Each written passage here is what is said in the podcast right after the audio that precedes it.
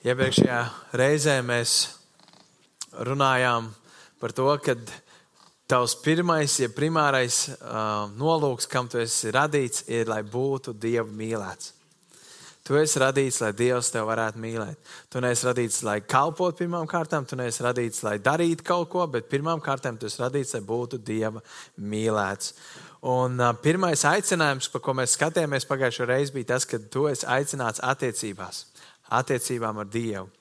Un pēc tam mēs skatāmies to, ka šīs attiecības, kurām Dievs tev aicina, ir būt Dieva dēlam vai Dieva meitai. Tas bija tas, ko mēs skatījāmies pagājušo reizi. Un šodien mēs skatīsimies uz tavu otro mērķi, jeb uz otro aicinājumu, kam Dievs tevi ir radījis, un tas ir piederēt. Otrs aicinājums ir piederēt, jeb būt daļai no Dieva ģimenes, no Dieva draudzes šeit uz zemes. Dieva ģimene tiek saukta par Dieva draugu, Dieva draugs tiek saukta par ģimeni. Līdz ar to otrs nolūks ir tas, ka Dievs tev radīja priekš Dieva ģimenes. Vispirms, lai Dievs tevi mīlētu, un pēc tam, lai tu būtu daļa no Dieva ģimenes. Efeziešos 1,5 ir rakstīts mīlestībā pēc savas, labās, pēc savas gribas, labā nodoma. Viņš jau iepriekš lēmis, ka mums būs viņa bērniem būt caur Jēzu Kristu. Šī rakstvieta, kur mēs esam skatījušies pēdējās trīs nedēļas, viņa tāda kā centrālā savā ziņā, jo šī rakstvieta parāda to, ka pašā sākumā, pirms vēl zem tika radīta, Dievs gribēja, ka tu būtu viņa bērns. Un bērns var būt tikai tad, ja viņiem ir vecāki pareizi. Bērns nevar būt, kļūt bez, bez, bez vecākiem. Viņš nevar vienkārši izdomāt, es gribu rasties, un tad viņš stārķis viņu atnes, vai viņš tiek atrasts kāpostos, pats tur ir paslēpies. Tā kādreiz mācīja, bet tā nav. Bet šeit uz zemes dieva ģimene ir tā vieta, priekš kam Dievs tevi radījis. 1. Timoteja vēstule, 3. nodaļa, 15. pantā ir rakstīta tāda vārda: Lai tu zinātu, kā pienāks izturēties dieva namā, kas ir dzīvā dieva draudzene, patiesības balsts un pamats. Tātad šī draudzene, Liepājas centra draudzene, tava lokālā draudzene ir tā dieva ģimene, tā dzīvā dieva draudzene, kuras esmu pat ielicis sarkanā, dzīvā dieva draudzene, pie kuras Dievs aicina tevi piederēt. Tu esi aicināts piederēt šai ģimenei. Tu esi aicināts. Tā ir Dieva griba priekš tavas dzīves, ka tu būtu daļa no Dieva ģimenes. Efesiešos 2.19 ir rakstīts, tātad Jūs vairs tagad nesat svešinieki un piedzīvotāji, bet vienas valsts pilsoņi ar svētajiem un dieva saimi. Tad tu vairs neesi svešinieks.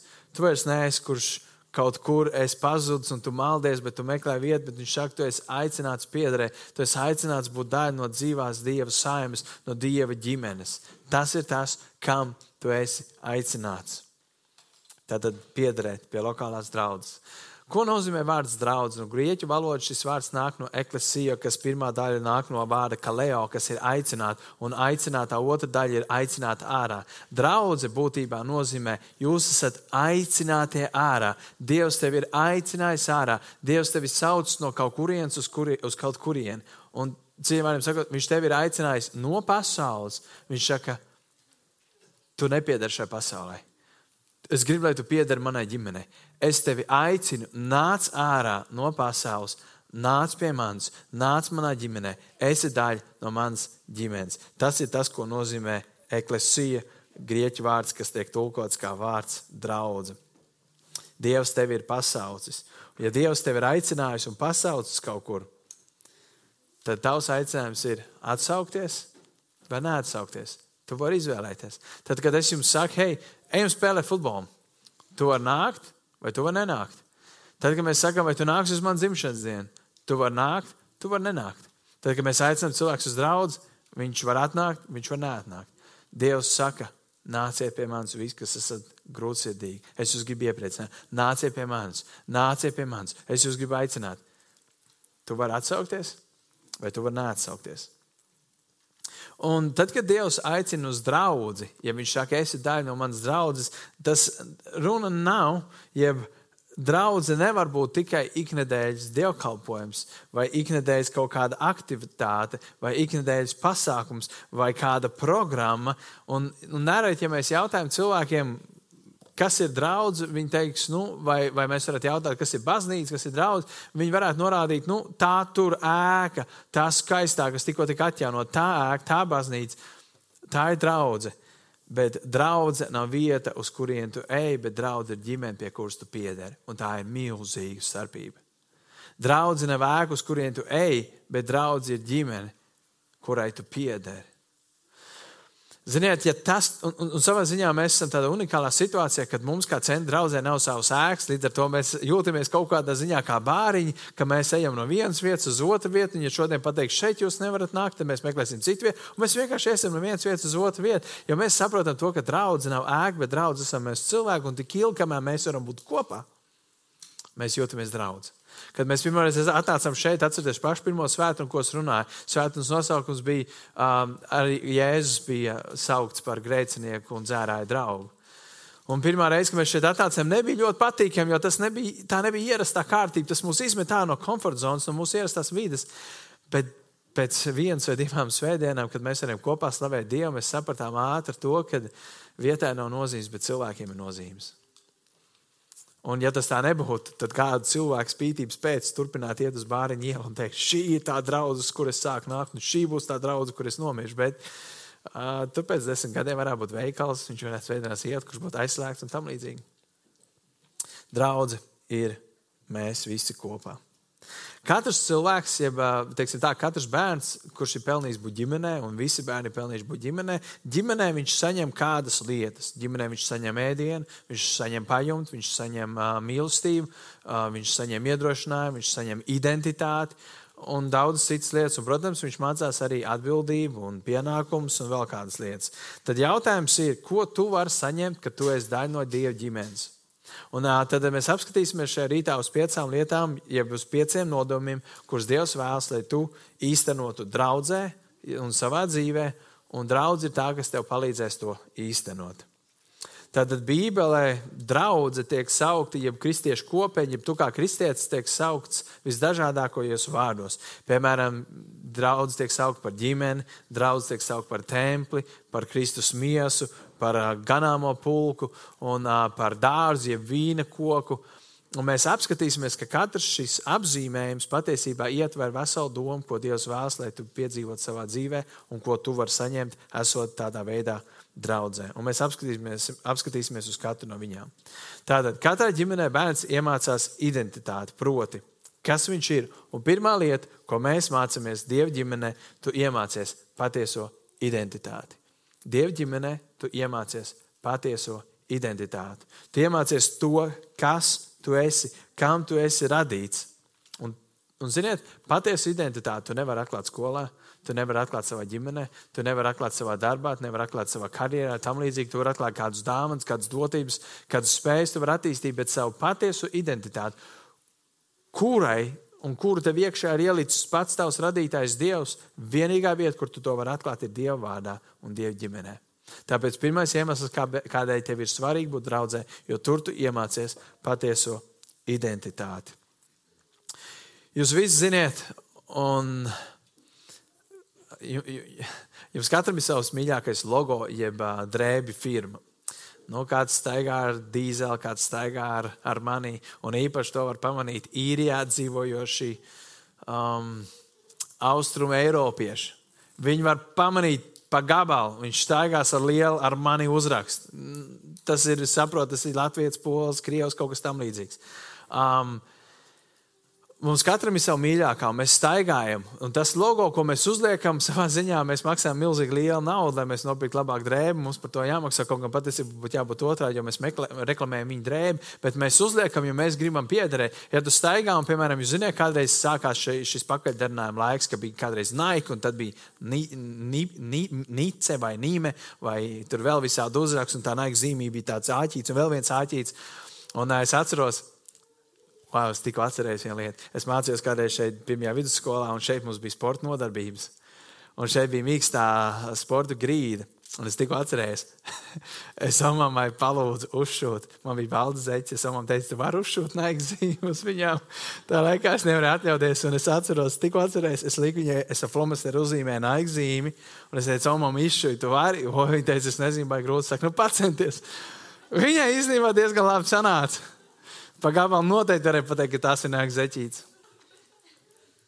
Kāpēc man tas viss marīgi?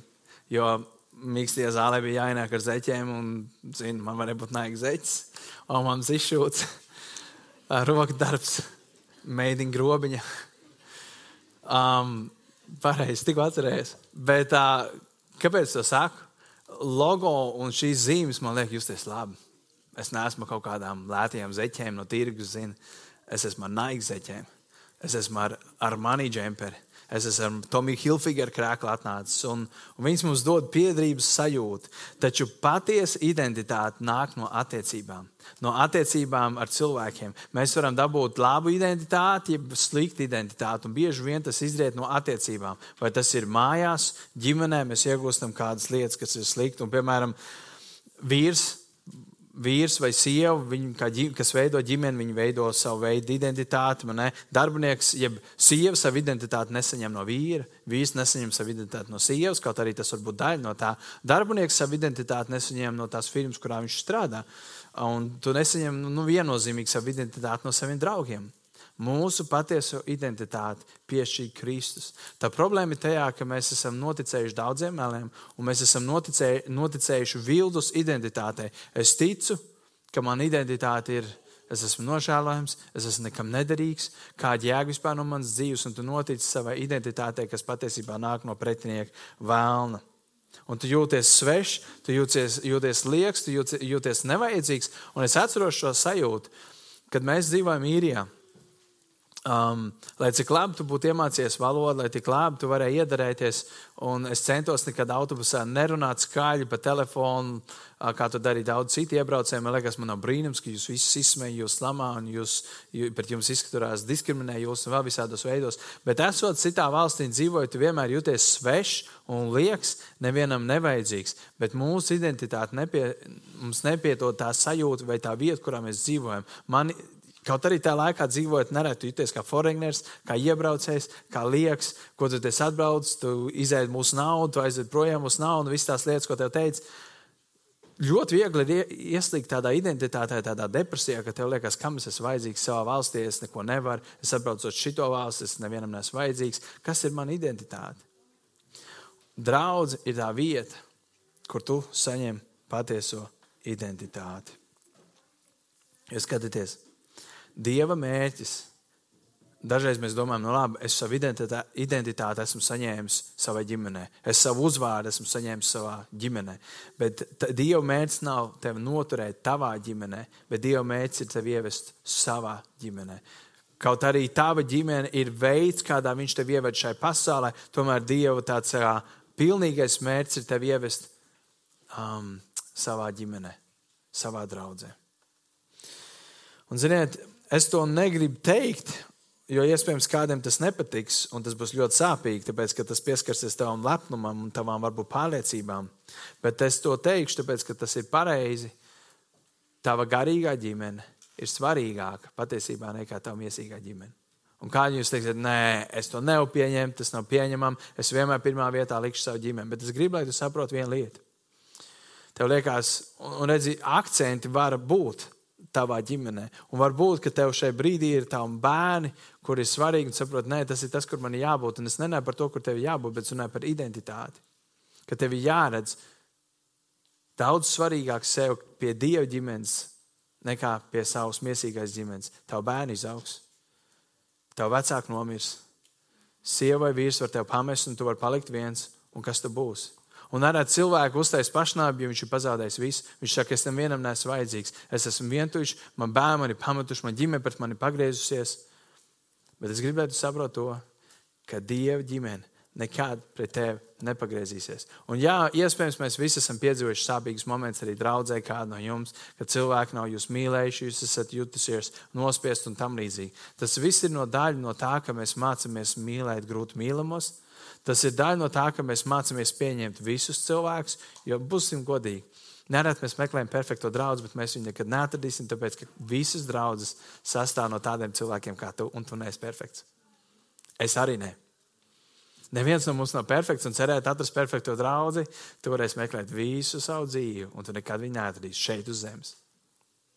Jo mēs visi esam procesā. Tāpēc ir ļoti svarīgi apzināties, kas ir tas, kas tev paliks cauri un kas ilgs visu mūžību. Ziniet, patīk tev tas vai nepatīk. Bet tie, kas mēs būsim debesīs, mēs skatīsimies viens uz otru visu cauri mūžībai. Tā, ka tev var likties līdz apnikumam, bet ticiet man, tur nekas mums neapniks. Mēs būsim radīti pēc Dieva tēla un līdzības, un mēs vienkārši brīnīsimies, cik skaists Dievs mūs ir radījis. Ebrejam um, 2.11 ir rakstīts, jo kā tas, kas svētī, tā arī tie, kas ir svētīti, visi ir no viena tēva no viena tur ir rakstīts, bet tas ir domāts no viena, tas ir no dieva, tēva, tātad ģimenes. Tāpēc viņš, tas ir Jēzus, nekaunas to saukt par saviem brāļiem. Ja tu tos vārdus vari saprast un ieklausīties, visi ir no viena tēva, mēs visi esam no viena tēva. Tad mēs visi esam viens ģimenes locekļi. Tāpēc Jēzus nekaunas to saukt par saviem brāļiem. Jēzus nekauns tev saukt, tu esi mans brālis, tu esi mans māsa. Tāpēc, draudzē, kad cilvēks sanāk kopā, mēs saucam viens otru par brāli un je, māsu Jēzu Kristu. Jo mēs tādi esam caur Jēzu Kristu. Un tā ir viena no tām brīnišķīgākajām lietām, esot Dieva ģimenē, ka tavs grēks vairs nenosaka, kas tu esi, bet Dieva žēlstība nosaka, kas tu esi. Nevis tavu pagātni nosaka to, kas tu esi, bet Dieva žēlstība nosaka to, kas tu esi. Mēs šeit varam būt ar ļoti uh, raibām pagātnēm. Mēs varam būt ar ļoti raibām pieredzēm, kas nāk līdzi. Ir kādas lietas, ticiet man, ir kādas lietas, kuras tu negribētu, lai kāds, kas šeit atrodas, uzzinātu. Ir kādas lietas, kuras tu gribi paturēt tikai priekš sevis, jo tev ir milzīgs kauns par to, kas ir bijis tavā dzīvē, vai kāds tu esi bijis. Un tas ir ok.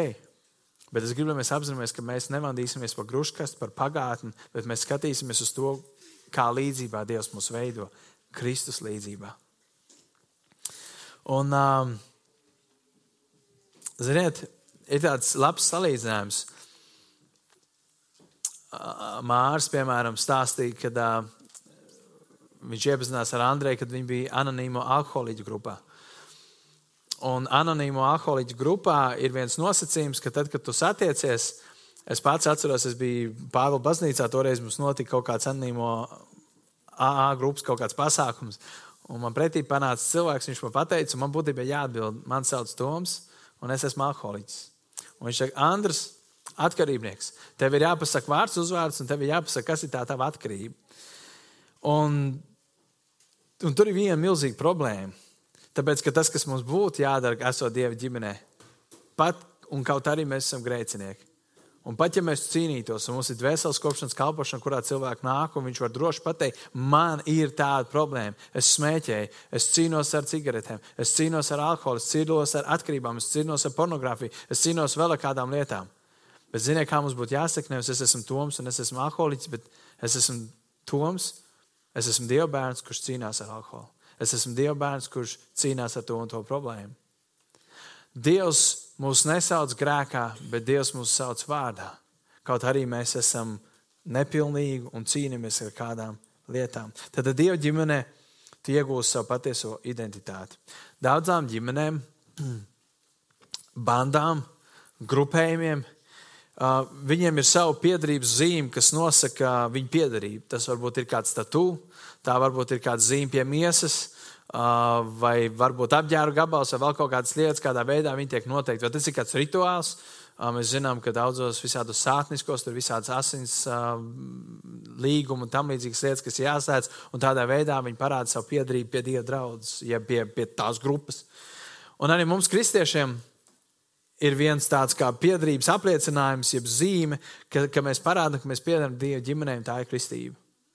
Kristībā es pasaku publiski to, es tagad piedaru Jēzum Kristum. Es tagad piedaru Dieva draudzē. Es tagad esmu daļa no Dieva draudzes un publiski kristoties un parādot to, ka es nomirstu savai vecai dzīvē un es ceļos augšā jaunai, atjaunotai dzīvē. Tā ir man piedarības zīme, kad es identificēju sevi ar savu jauno ticību, ar to, kam es tagad piedaru. Apastu darbi 2,41 tas ir rakstīts, kas viņa vārdus uzņēma tos kristīja, un tā dienā te pievienojas ap 3000 dvēseli. Tu vispirms tici, Tu vispirms tici, ka, Jēz, ka tu esi grēcinieks un ka tev tavu grēku ir, tev ir vajadzīgs kāds, kurš par viņiem samaksājis, un tu tici, ka Jēzus ir Dieva dēls, un tici, ka Dievs viņu ir uzmodinājis no miroņiem. Un ja tu tici, ka Dievs ir tavs vienīgais glābējs, tad tu tiec kristīts, un tu tiec pievienots draudzēji. Tā pirmā lieta, ko mēs skatāmies šajā rītā, ir, šā, ka šī ģimene man palīdz noteikt man patieso identitāti. Otra lieta, uz kuru mēs skatījāmies, jau kuras pieminēja pašā sākumā, kad Dieva ģimene tiek pielīdzināta templim. Tā ir templis, bija vieta, kur pielūgt. 1. korintieši 3.16. mēs lasām, vai jūs nezināt, ka jūs esat Dieva templis un ka Dieva gars jūsos mājo. Tad viņš saka, vai tu nezini, ka tu esi Dieva templis?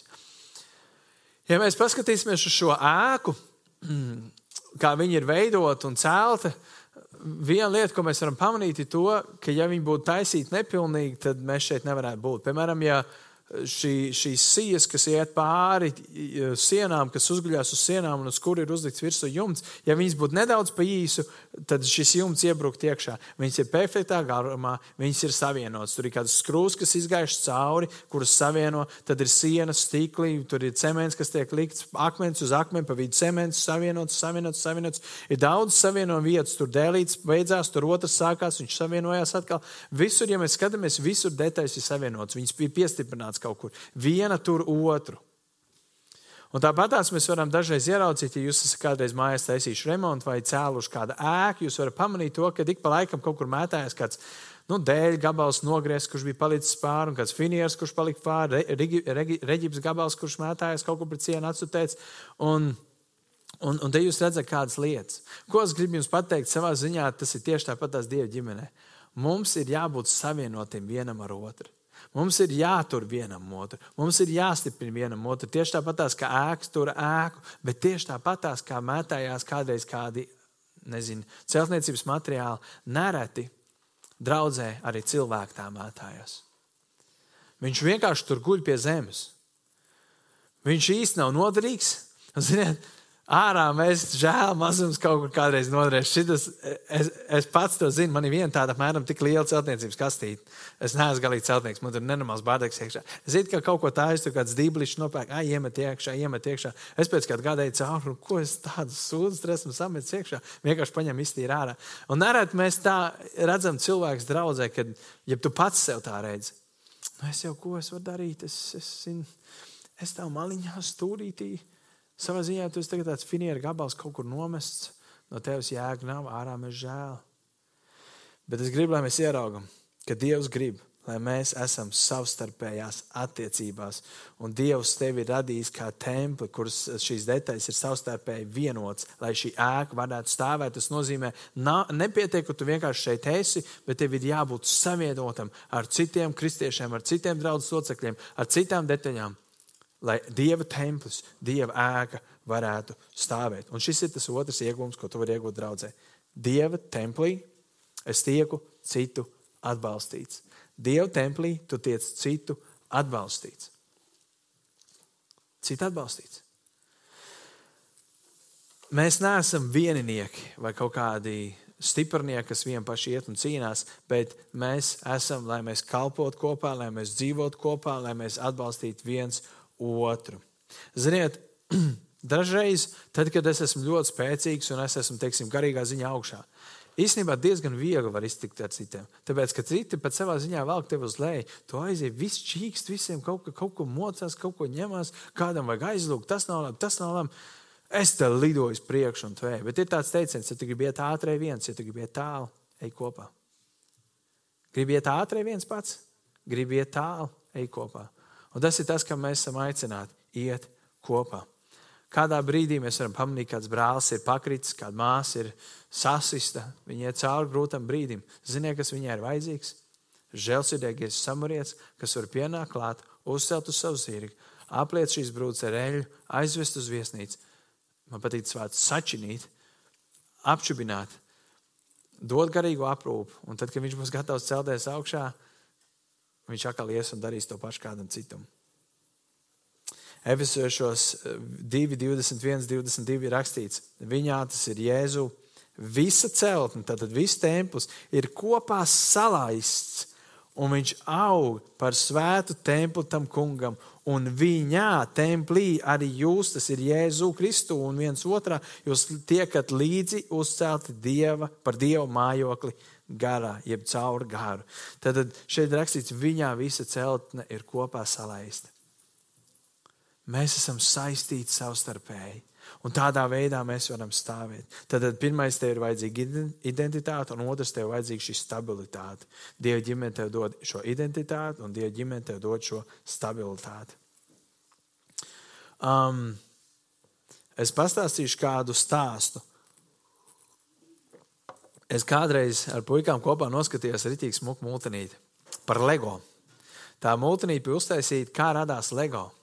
Un tur ir viena interesanta lieta. LEGO no sākuma nebija tāds LEGO, kādu mēs pazīstam, kur cilvēki kliks, kliks, kliks, liek iekšā kopā klucīši. Viņi bija bez tām pumpiņām. Viņi pirms tam pašā sākumā bija viena problēma, kad viņš uzcēla, piemēram, uz zemes skaistu toni. Bet, ja tur uzpūta, viss vienkārši nobruka, jo viņi vienkārši bija mazi klucīši, vienkārši uzlikti viens uz otru.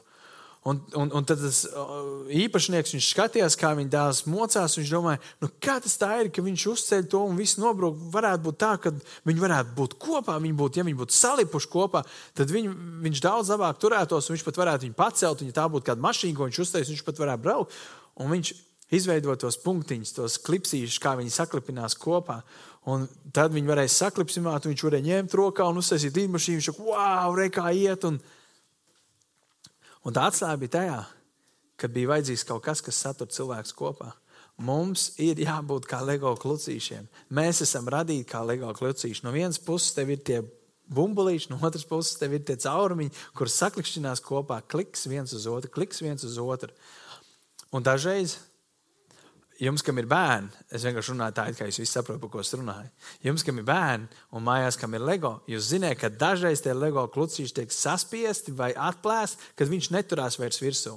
Jūs to esat pamanījuši. Un, ziniet, tu varētu ņemt ar rokām, ņemt un vēl kaut ko, bet es esmu pamanījis, ka viens labs veids, kā, viņi, kā tu vari viņu izlabot, tu viņa spēku kaut kādā veidā uzspied virsū tam saturu kopā un tas otrs klucītis viņu iztaisno. Un man tā ilustrācija patīk, jo viņi parāda to, ka patiesībā tieši tāpatās kā klucīši labo viens otru.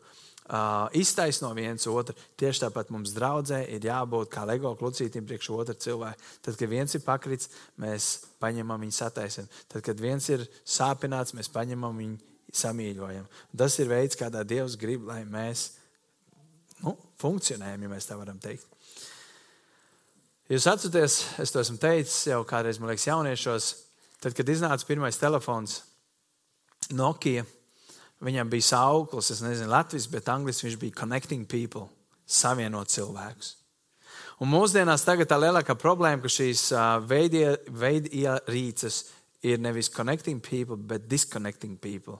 Viņas atvieno cilvēkus. Un kas ir ļoti interesanti šajā digitālajā laikmetā, pēc statistikas ir parādīts, ka cilvēki jūtas daudz vientuļāk nekā tad, kad nebija šīs elektroniskās ierīces. Kas parāda tikai kārtu reizi to, ka nepietiek ar to, ka mēs viens otram piezvanām, vai Facebookā uzrakstām, uzliekam laikus, bildīt un nošērojam, vai iekomentējam, bet mums ir vajadzīgs šis kontakts vienam ar otru Un tas ir tas, ko mēs varam iegūt um, draudzē. Trešā lieta, ko Bībelē piemin saistībā par draugu, ir tas, ka draudzene, jeb ģimene, ir miesa. 1. korintieši 12, 27 ir rakstīts, bet jūs esat Kristus miesa un katrs par sevi esat locekļi. Tad, tad kopā mēs varam izdarīt to, ko mēs nevaram izdarīt vien paši. Trešā lieta, ko mēs skatīsimies, ir mi, Dieva miesā tu atklāji savu unikālo vērtību. Draudzē tu vari atklāt savu unikālo vērtību, kam Dievs tevi ir radījis. Tu atklāji draudzē savu identitāti, savu stabilitāti, un tagad tu atklāji savu unikālo vērtību, jeb savu kapacitāti. Romiešu vēstule 12, 4, 5 ir rakstīts, jo kā mums vienā miesā ir daudz locekļu, bet ne, ne visiem locekļiem ir vienāds uzdevums. Es izlasīšu vēlreiz. Jo kā mums vienā miesā ir daudz locekļu, bet ne visiem locekļiem ir vienāds uzdevums. Tāpat mēs daudzi kopā esam viena miesa Kristū, bet savā starpā mēs visi esam locekļi. Šeit draudzē mēs visi esam ļoti dažādi. Mēs izskatāmies dažādi, mēs mažojam savādāk, mēs kustamies dažādāk, mums ir dažādas gaumas, mums ir dažādas dāvanas, dažādas lietas. Mēs katrs esam dažādi un neviens nav vienāds. Draugi, Dievam patīk vienātība. Un tas, ko Sātans nerad panākt, ir tas, ka viņš mums liek kopēt vienam otru. Mēs gribam līdzināties tam cilvēkam, mēs gribam līdzināties tam alkam. Bet Dievs tevi radījis, lai tu būtu unikāls. Dievam patīk dažādība. Mēs visi esam vajadzīgi viens otram. Mums katram ir savs uzdevums. Un neviens nav vienāds ar vienādu uzdevumu. Ziniet, teorētiski tu varētu pagriezties par blakus sēdošo un pateikt, tu man esi vajadzīgs. Ja tu varētu pateikt, es bez tevis nevaru. Taču mēs to nedarīsim, jo es nezinu, kas sēž kuram blakus, un mēs varētu piedzīvot pāragras attiecības un laulības. Uh, Un mēs varētu piedzīvot, varbūt pat šķirtas laulības un tam līdzīgi pārāk ar to mēs negribam.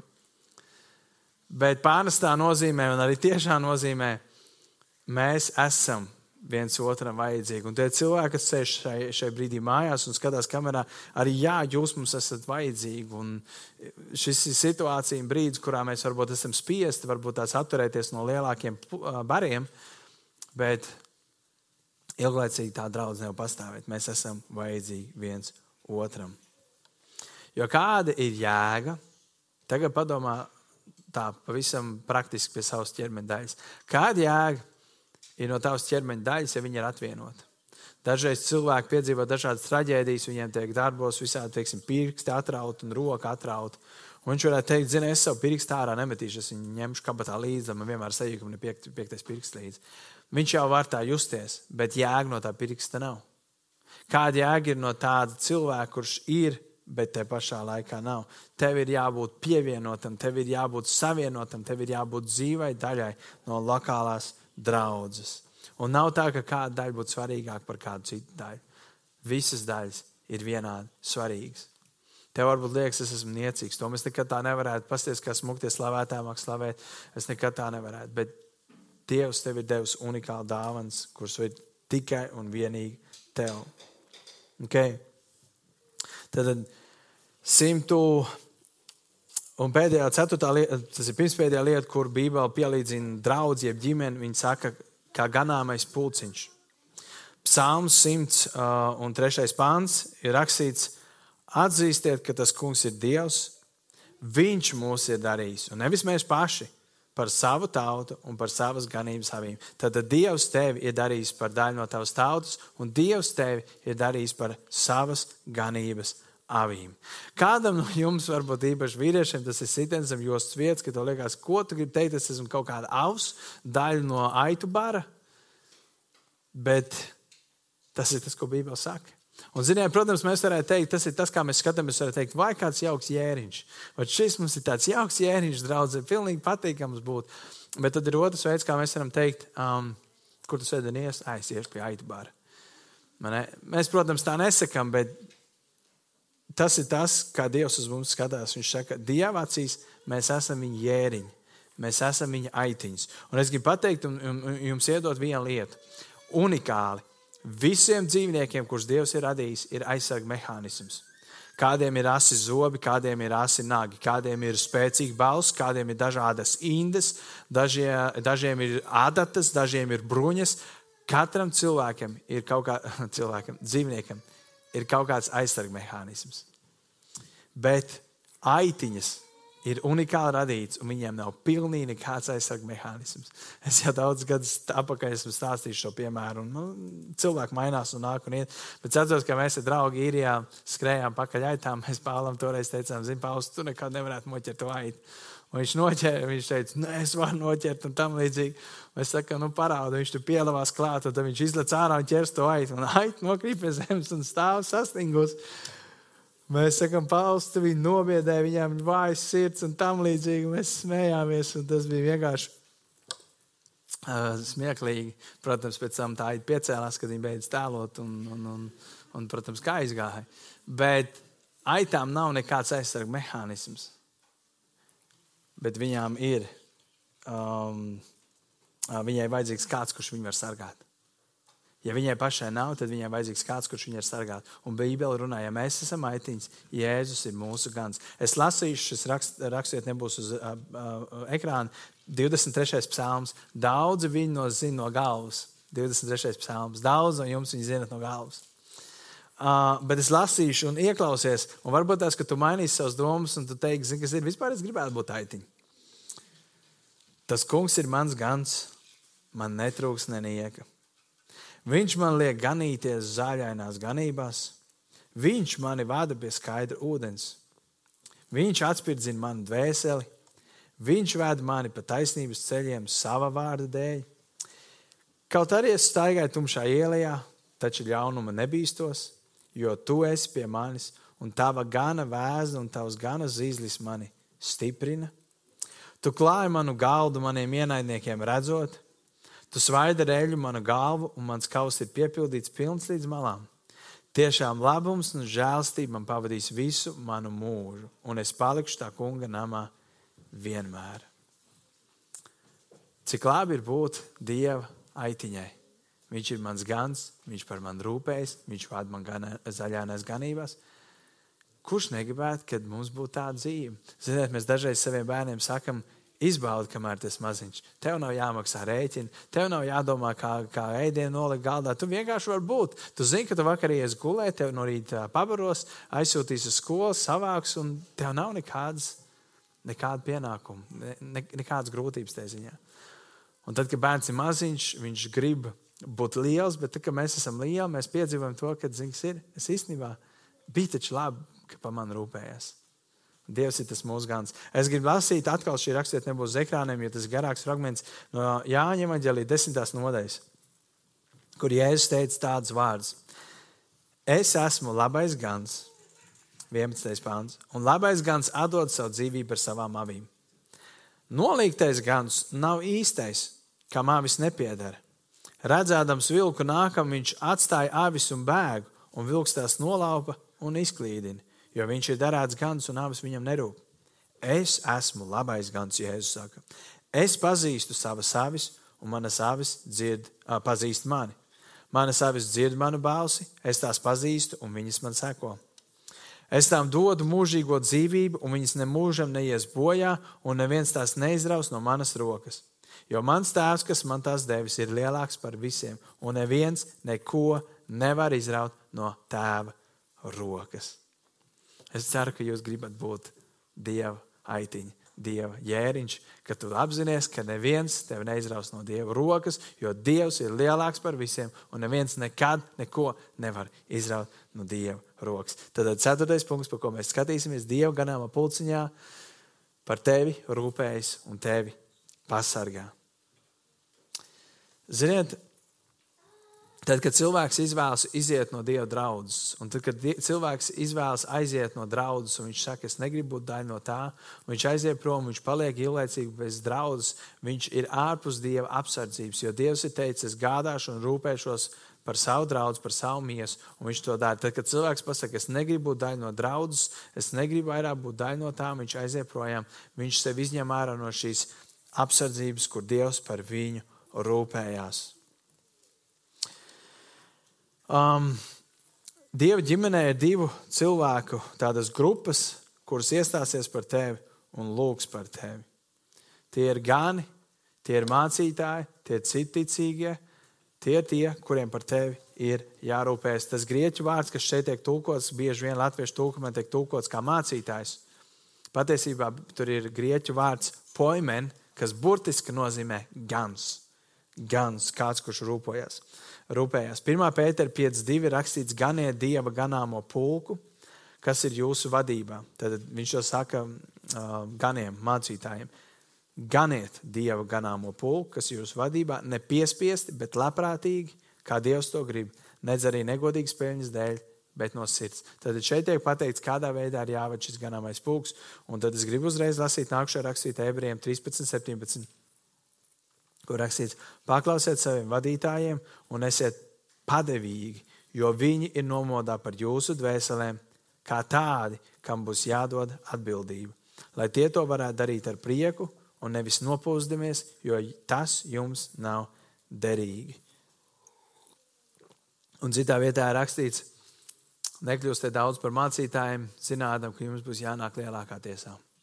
Un saliekot šīs raksturvietas kopā, es jums varu pateikt, godīgi, pirms es kļuvu par gānu mācītāju. Es nebiju īpaši uzmanību pievērst šīm raksturvietām, jo viņas uz mani tajā laikā neatiecās. Tā bija viena no raksturvietām, kuras varēja droši pārējiem pāri. Tas uz mani neatiecās, neatiecās. Un par cik normālos apstākļos ir jābūt tā, ka neviens neizvēlās kļūt par mācītāju, tu tiec aicināts. Un tad, kad tu sāc lasīt Bībeli, un kad es vēlāk kļuvu par mācītāju, es sapratu patiesībā, ka šīs ir vienas no biedējošākajām rakstvietām, kuras es personīgi redzu Bībelē. Jo tad, kad tu kļūsti, piemēram, tu kā cilvēks, kad tu kļūsti par daļu no Liepājas centra draudzes, automātiski es kļūstu garīgā ziņā par tevi atbildīgs. Un es nesīšu um, nu, atskaiti Dievam. Man nav ne jausmas, kāda būs šī atskaita.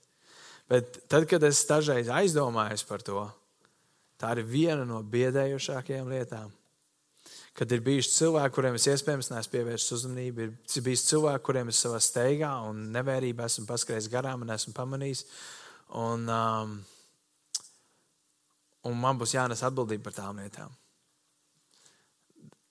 Ja jūs brīdī varētu iekāpt manās kurpēs, tas ir diezgan biedējoši. Tāpēc pirmkārt es gribu jūs aicināt. Pirmkārt, es gribu jums pateikt, paldies, ka jūs lūdzat par mani. Es to vienmēr esmu ļoti novērtējis. Un otrkārt, es gribu aicināt, ka jūs to turpiniet darīt. Bet tieši tāpat tas nav tikai par mani. Mums draudzē ir vēl vairāk vadītāji bez manis, kas rūpējās un gādā par jūsu garīgu izaugsmu. Nozara vadītāji un mazo grupiņu vadītāji un uh, dvēseli kopēji lūdziet par viņiem. Jo ticiet man, tie, kas stāv pirmajās rindās, tie sātanam ir visbīstamākie. Un sātans par viņiem sit kārtīgi. Un mums ir visiem kopā jālūdz vienam par otru, īpaši par saviem vadītājiem. Tas ir tas, ko Bībele māca. Un, un, un, un, un skatoties uz šīm rakstvietām, es redzu, ka tas ir ļoti, ļoti svarīgi. Abas darbos 20, 29 un līdz 31 ir rakstīts. Pāvils to saka, Pāvils zināja, ka viņš vairs neredzēs šo draugu. Viņš saka, es zinu, ka šī ir pēdējā reize. Viņš sasauc šos draugus vadītājus, draugus vecais. Viņš teica, es zinu, Kāpēc manas aiziešanas pie jums iebruks plēsīgi vilki, kas nesaudzēs ganāma pulku? No jūsu pašu vidus celsies vīri, atgādnības runādam, lai aizrautu mācekļus sev līdzi. Tāpēc esiet nomodā. Tad, tad tas aicinājums draudzes vadītājiem ir būt nomodā par katru aitiņu, ja tā var teikt, par katru bērniņu, par katru draudzes locekli. Un tāpēc um, tā ceturtā lieta, ko mēs skatījāmies, draudzes ģimenē, par tevi rūpējas, un tu tiec pasargāts. Vai vienmēr mēs to varam izdarīt perfekti? Nē. Vai vienmēr mēs varam pamanīt visas spraugas, ar kurām vilki var atnākt? Nē. Bet mūsu uzdevums ir būt nomodā. Un ja mēs visi kopā stipri stāvēsim, kā viena ģimene, vienot garā un mīlestībā, tad es ticu un esmu pārliecināts, ka Dievs mūs pasargās no tā, ka neviens vilks necelsies un neviens vilks neielauzīsies. Un tad, kad viņš ielauzīsies, mēs kopā varēsim viņu izmest laukā. Es biju atradis vienu bildi, un es viņu gribēju ielikt um, šajā uz ekrāna, bet es, es vienkārši viņu palaidu garām. Es viņu biju lejuplādējis datorā. Bet ir viena bilde, kur jūs iespējams esat redzējuši, un es to esmu piedzīvojis. Tad, kad, es daudz reizes tam pieskaros, bet es vienkārši tas parādu, cik man tas svarīgi. Tad, kad es biju pakritis, jūs stāvējat par mani un lūdzāt par mani reāli. Un ir viena bilde, kur um, ganu suns ir sakosts un asiņot. Un bet viņš tādā veidā paglāba savas aitiņas no vilkiem. Un tad tā aitiņa pienāca klāt un varēja redzēt, viņa kā skūps to sunīt vai laistās brūces. Un ir viena tāda bilde internetā, kas iet apkārt. Un tā bilde tik labi ilustrē to, kā es piedzīvoju, tad, kad es biju sasists un asiņoju, kā jūs nācāt un uh, aizlūdzāt un gādājāt par maniem. Un tas ir veids, kā mums kā draudzē. Neviens nav supermens, neviens mācītājs, neviens vadītājs nav Supermens, ka viņš ir pasargāts, kuram ir dzelzs bruņas, viņi nekad nesavainos. Viņi var savainot. Un tad ir vajadzīga draudzene, kas nāk kopā un iestājās. Jo Efeziešos 6.2 rakstīts, nesiet cits, cita nastas, tā jūs piepildīsiet Dieva likumu. Un man ir prieks, ka mēs esam to varējuši piedzīvot. Man ir prieks, ka šeit draudzē es redzu to, ka jūs uzticaties ar savām nastām viens otram, ka jūs esat gatavi nest viens otru nastas. Man tas ļoti, ļoti iedrošina un stiprina. Un tad man gribās uzdot jautājumu, kurš rūpējas par tevi? Kurš rūpējas, ja tu draudzē zini, kurš rūpējas par tevi? Es tā ļauju jums padomāt, Bet es uzreiz gribu iedot otru jautājumu. Par ko? Par kuru tu rūpējies? Ja mums ļoti viegli pateikt, zini, es te neesmu piedzīvojis, man neviens te nav parādījis mīlestību un tam līdzīgi, un es jūtos kā liekas, bet varbūt dažreiz tas jautājums jāuzdod no otras puses, vai tu esi kādam parādījis mīlestību? Un tā iemesla dēļ es gribu pieminēt mazās grupiņas. Mazās grupiņas ir vide, kur jūs to varat vislabāk mācīties. Atkal un atkal gribu uzsvērt, esiet daļa no mazās grupiņas. Un pēdējā lieta, kur es vēlos uzsvērt šajā rītā, kad draugs tiek nosaukts par dārzu, jeb par vīna koku dārzu, jeb zāru. Jāņa 15, 1 un 5 ir rakstīts, Jēzus saka, es esmu īstais vīna koks. Mans tēvs ir dārza kopējs, un jūs tie zari. Ko mēs no šī varam mācīties? To, ka draudzene ir kā koks, jeb kā zars, jeb vīna koks, tas māca mums to, ka mums kā koka zariem ir jābūt auglīgiem. Tev ir jābūt kā zaram, kas ir pie koka un nes augļus. Ja zars ir nolauzts un mētājs pie zemes, tad viņš augļus nemet. Tad, tad piektā lieta, ko mēs varam mācīties, Dieva dārzā tava dzīve kļūst auglīga. Dieva draudzē tava dzīve iegūst produktivitāti. Ābols zars var nest augus tikai tad, kad viņš ir pie ābeles. Banāns var nest augus tad, kad viņš ir pie banāna koka. Tu vari nest augus tad, kad tu esi pie vīna koka. Tad, kad tu esi pirmkārt savienots ar Jēzu, tad, kad tu esi pirmkārt attiecībās ar Jēzu, un otrkārt, kad tu esi daļa no dzīves draudzes. Jāņa 15, 4 un 5 ir rakstīts tā, kā zars nevar nest augus no sevis, ja tas nepaliek pie vīna koka, tāpat arī jūs, ja nepaliekat manī. Es esmu vīnekoks, jūs tie zari, kas manī palieku, un es viņā tas nes daudz augu, jo bez manis jūs nenieka nespējat darīt. Tātad, vai nu tu nes, nevari nest augus, vai tu nes augus. Nevar nest augus un var nest daudz augus. Tātad tās otrs nolūks, ko mēs skatījāmies šajā nedēļā, ir piederēt pie Dieva draudzes. Tev ir vajadzīgs zināt savu identitāti, tev ir vajadzīgs um, iegūt šo kapacitāti, jeb uh, stabilitāti, drošību, rūpes un šo produktivitāti, jeb auglību, kas ir. Un šīs lietas tu iegūsti, esot draudzē. Tu viņus mācies, tu viņus praktizē un tu viņus iegūsti. Ja tu gribi dzīvot mērķiecīgu dzīvi, tas ir tas, par ko mēs runājam šīs pēdējās divas nedēļas, turpināsim runāt nākamās četras vēl kā dzīvot mētiecīgu dzīvi. Tad, kad tu gribi dzīvot, tev ir vajadzīgs pirmkārt spēks, lai dzīvotu. Spēks, lai dzīvotu. Otrakārt, tev ir vajadzīgs cilvēki, ar ko dzīvot. Tā ir draudzene. Treškārt, principi, pēc kuriem dzīvot, plāns, kur izdzīvot, un piektais nolūks, ja mērķi, kādēļ dzīvot. Un šīs lietas tu nevari saņemt absolūti nekur ārpus draudzes. Tu vari saņemt pakaļdarinājums. Tu vari saņemt nepareizās lietas, bet šīs lietas, īsto identitāti, īsto piedarību, tu vari saņemt tikai un vienīgi draudzē. Un es tev gribu uzdot jautājumu. Šajā rītā ir daudz, dažā, teiksim, dažas cilvēku grupas.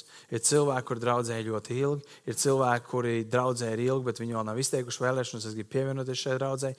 Tad ir cilvēki, kuriem ir nākuši varbūt dažus mēnešus, varbūt mēnesi, un tad ir cilvēki, kuriem ir pirmo reizi šodien. Bet mans jautājums ir, ja tu vēl neesi daļa no Dieva draudzes, kas ir tas, ko tu gaidi? Kas tev kavē? Kas tev kavē pievienoties un kļūt daļai no dzīvās Dieva draudzes? Dažreiz viss, kas tev ir vajadzīgs, tev ir vajadzīgs saruna no sirds uz sirdi. Lai saprastu to, ka tu esi man vajadzīgs, un es un citi tev ir vajadzīgi, un mēs viens otram esam vajadzīgi. Un varbūt tās tu esi no tiem cilvēkiem, kurš cenšas iedarēties. Tu esi bijis vienā vietā, otrā vietā, trešā vietā, un tu nevari atrast savu vietu. Tu nejūties, ka tu vari iedarēties kādā vietā. Draudz ir tā vieta, kur tu iegūsti identitāti. Un tad, kad tu iegūsti patiesu identitāti, tu automātiski iedaries. Viss, kas tev ir jādara, tev ir jāpievienojas dzīvai Dieva draudzē. Un pēc pavisam neilga laika iegūsi savu patieso identitāti. Dažreiz cilvēki saka tādus vārdus. Um,